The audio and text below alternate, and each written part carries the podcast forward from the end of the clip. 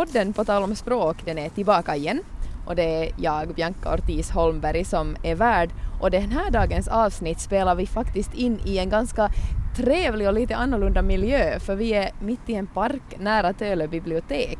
Dagens ämne, så det är ett ämne som engagerar väldigt många finlandssvenskar. Dagens ämne är finlandismer. Och jag har turen att ha två av Finlands, för att inte säga världens främsta experter på finlandismer här idag. Och det är Mikael Reuter, välkommen. Tack. Och så är det Charlotta af Hellström Reijonen, välkommen. Tack. Eh, Ni är båda språkvetare och när jag började fundera så här på hur jag skulle presentera er så kom jag till att ni har en del likheter för ni har båda specialiserat er på finlandismer på ett sätt. Ni har båda jobbat med finlandssvensk ordbok och så har ni båda varit eller är, du Charlotta, du är avdelningsföreståndare vid svenska avdelningen på Institutet för de inhemska språken, eller för din del Mikael på Forskningscentralen för de inhemska språken. När vi då konstaterar att ni har sysslat så här mycket med finlandismer så vill jag gärna veta varför? Varför just finlandismer? Vill du Mikael börja? Det är det att om man sysslar med språkvård eh, för finlandssvenska så är det ju väldigt mycket det det handlar om. Det är klart att det finns en massa annat också som folk kanske inte riktigt är medvetna om. Men det är liksom all den språkvård som är aktuell för andra språk och för i Sverige och så vidare, den är ju aktuell för oss också. Men till det kommer då det här med finlandismer. Och om man nu ser på den stora språkvårdaren, det vill säga Hugo Bergroth som 1917 gav ut sin bok eh, Finlandssvenska handledning till undvikande av provinsialismer i tal och skrift. Så, så är det ju liksom undvikande av provinsialismer, det vill säga i praktiken finlandismer som det till stor del handlar om. Så man måste säkert syssla med det. Precis, så det, det är lite så här omständigheterna som Ja. gör det Ja. och eh, samtidigt så blir man kanske intresserad av det också. Absolut. Eh, Hur är det med dig Charlotta? Uh, Mikael nämnde nu då en förebild eller en, en stor och, och viktig eh, språkvårdare men jag kan nämna en annan som inspirerar mig och det var nämligen Mikael. och det var uh, när jag började studera journalistik på så, så kom när jag började direkt efter skolan så, så, så var det ämnet massmediespråk som var det som var roligast tyckte jag. Och då handlar handlade ganska mycket om finlandismer och vi läste en hel del av Mikaels spalter och så här och det var lite det som fick mig intresserad och fick mig faktiskt att byta linje och börja läsa nordiska språk och sen blev det nu på något sätt på den vägen.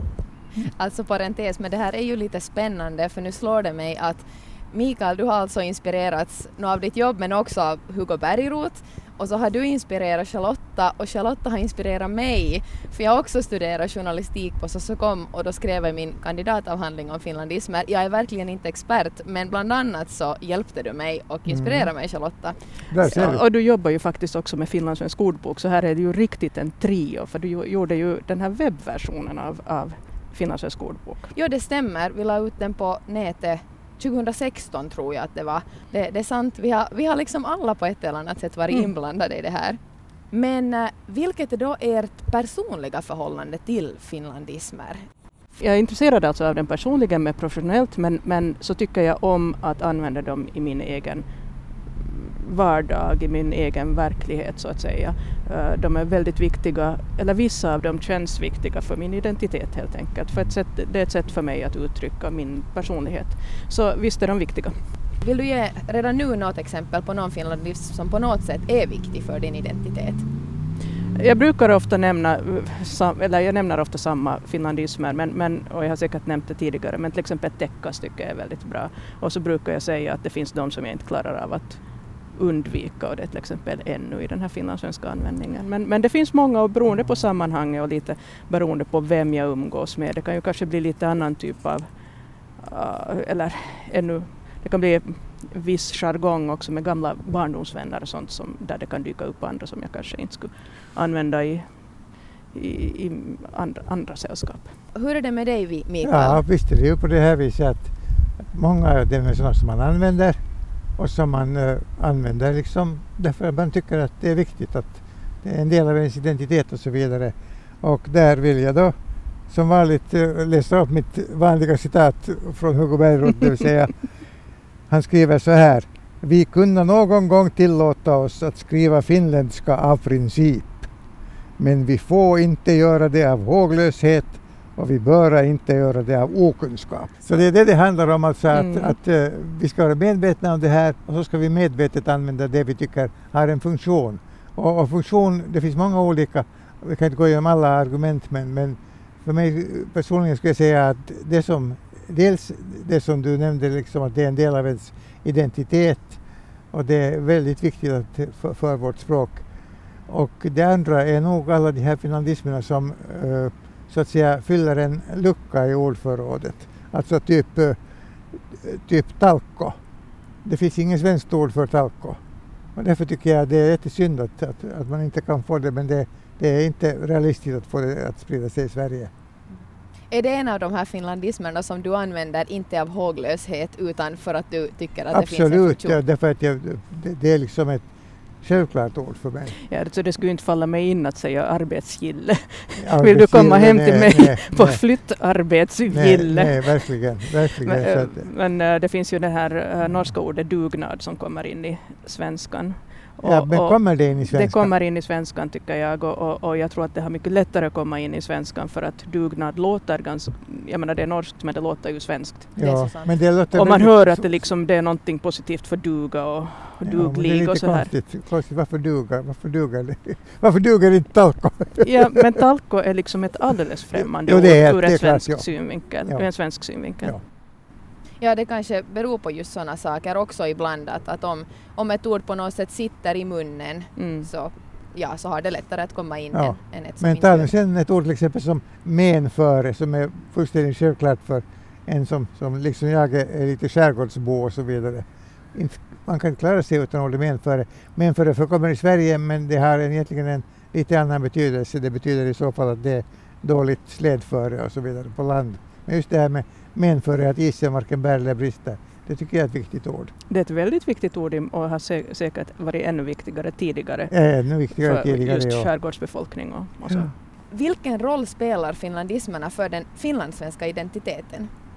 Det spelar en stor roll tror jag för de flesta. Jag, jag tror nog att den spelar en väldigt stor roll och jag, jag tror att vi kan se det eh, i vilka intresse det finns för finlandismer. Att uh, finlandssvenskar ofta är väldigt intresserade av att prata om sitt språk och, och jag tror att man är mycket mer intresserad av att tala om sitt språk som finlandssvenskan än som sverigesvensk till Ja. exempel. För att vårt språk är inte riktigt självklart alla gånger. Och då känns det väldigt viktigt och, och, och också väldigt viktigt att få säga att våra ord är jättebra. För att vi kanske kan känna oss lite Ja. Men eh, så är det också viktigt. på, satta på undantag ibland. Och så Om du ursäktar så är det också viktigt att säga att vissa av våra ord är inte så bra.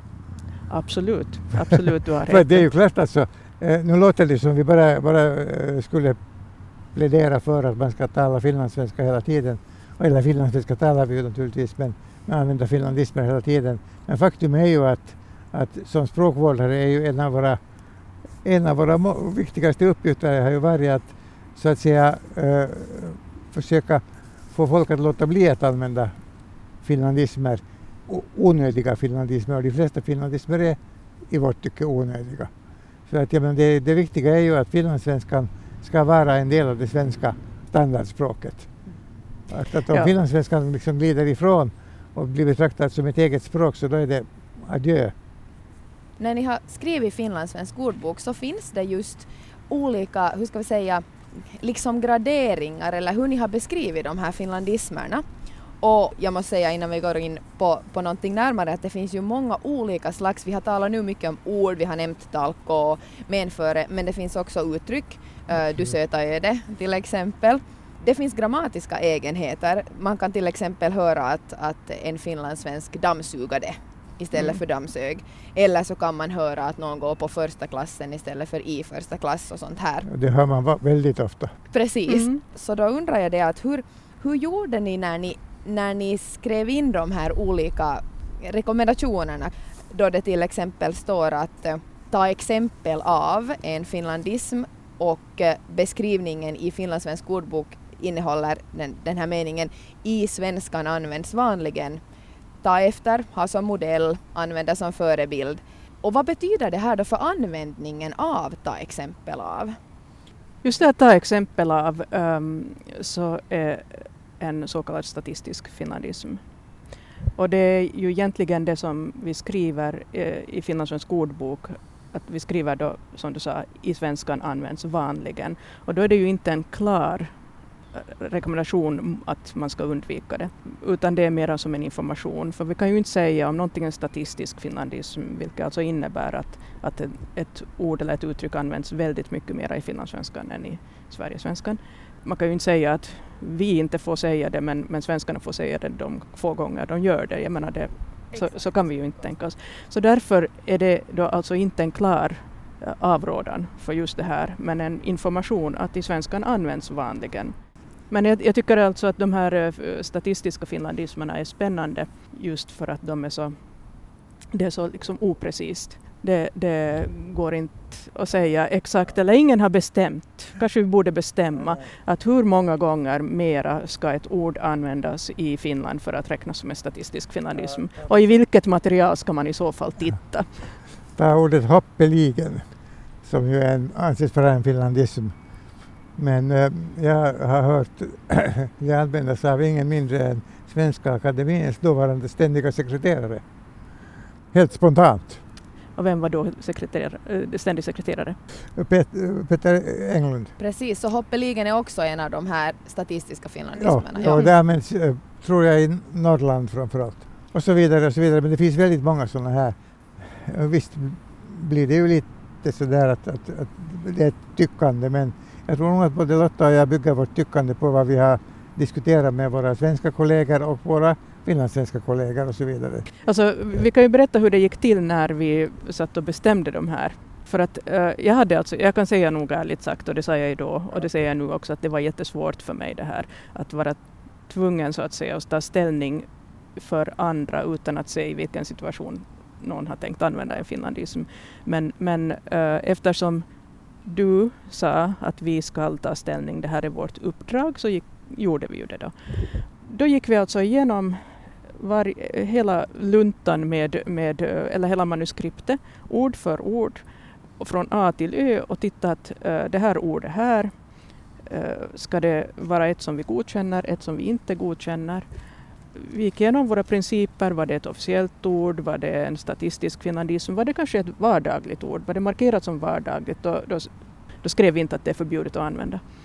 Och så vidare. Från A till Ö gick vi igenom. Vi satt hemma hos Mikael och drack te och, och gick igenom de här orden. Så så gick det till. Ja, vi hade vissa principer som vi följde och de principerna finns att läsa i Finlandssvensk ordbok. Jo, det kan vi nämna att det är i förordet. Det är i förordet. Ja. Så, så finns ja. det faktiskt att läsa också hur man kan använda eller hur det är tänkt att, att den, de här rekommendationerna och den här boken ska användas. Men jag tror att det finns folk som använder den på annat sätt och, och, och det är ju helt okej. Okay. Man får ju använda ordböcker i vilken riktning så att säga man vill att någon kan säkert använda för att inspireras till att använda nya finlandismer det är väl bra så länge man är medveten om det och det är man precis. ju när man har hittat det i en ordbok. där, där, där träffar du precis huvudet på spiken. Alltså så länge man är medveten, så länge man vet, vet vad man gör, precis som Berot säger. En annan rekommendation som ibland står i ordboken så det är använd hellre och använd istället.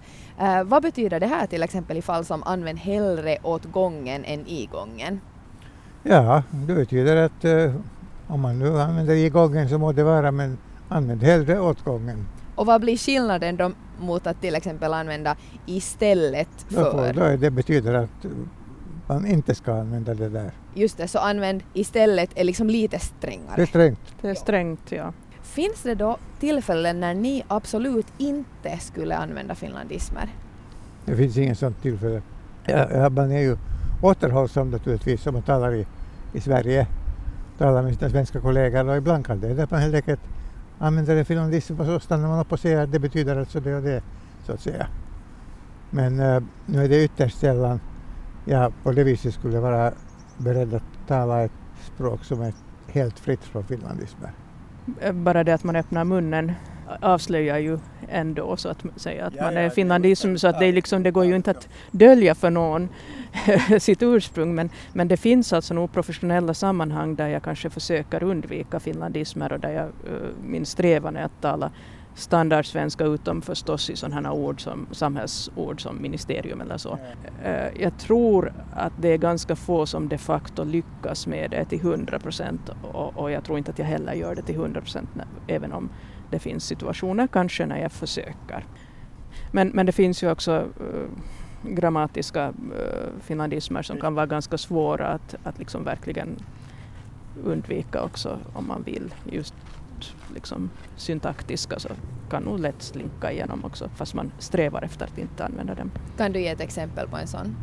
Det kan vara vissa ord, ordföljder till exempel som, som kan bli lite finländska. Men en som jag hör hos nästan alla finlandssvenskar är ju den här attisatsfläta som en sak som jag tror att intresserar dig. En sån konstruktion. Den hörs hela tiden. Den inte bara hörs utan den ser man i skrift varje dag. Och sen naturligtvis äh, vår användning av ännu. Ännu, precis. Som är...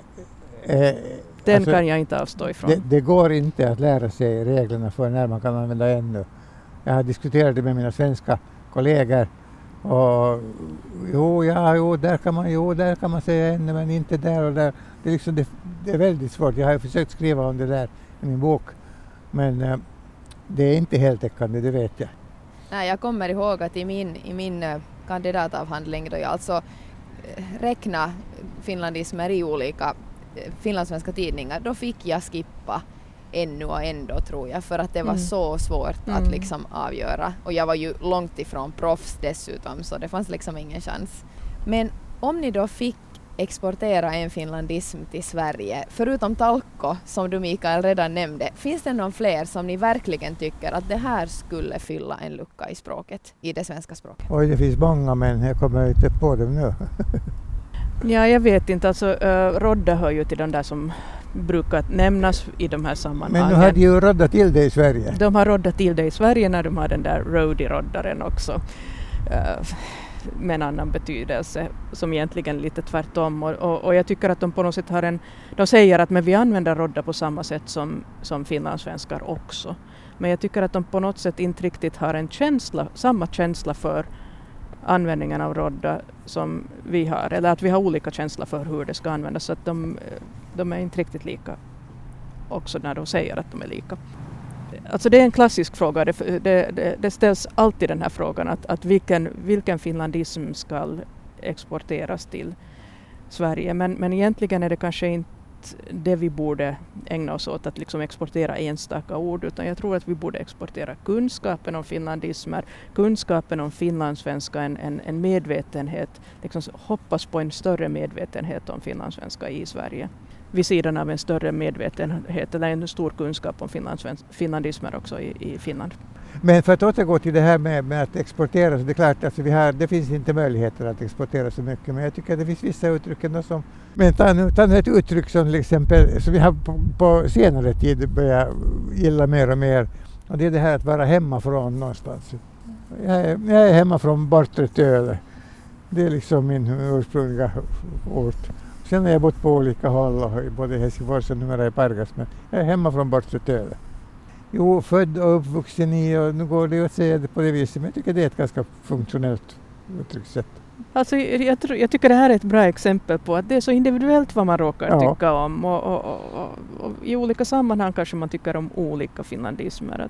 Jag menar, jag kanske ändrar att kanske jag tycker att det här är världens bästa finlandism och kanske jag tycker någon annan då att det någon annan är. För Absolut. att det i den situationen sitter Absolut. så bra de är förknippade med vissa känslor också på något sätt. Att precis som kanske vårt personliga språkbruk överlag så, så lyssnar jag bara på er diskussion att, att det kan vara ganska personligt mm. helt enkelt. Ja, det kanske det gärna får vara också.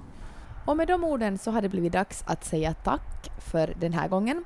Tack till dig som har lyssnat på oss idag. Eh, gå gärna in på Finlandssvensk ordbok på nätet.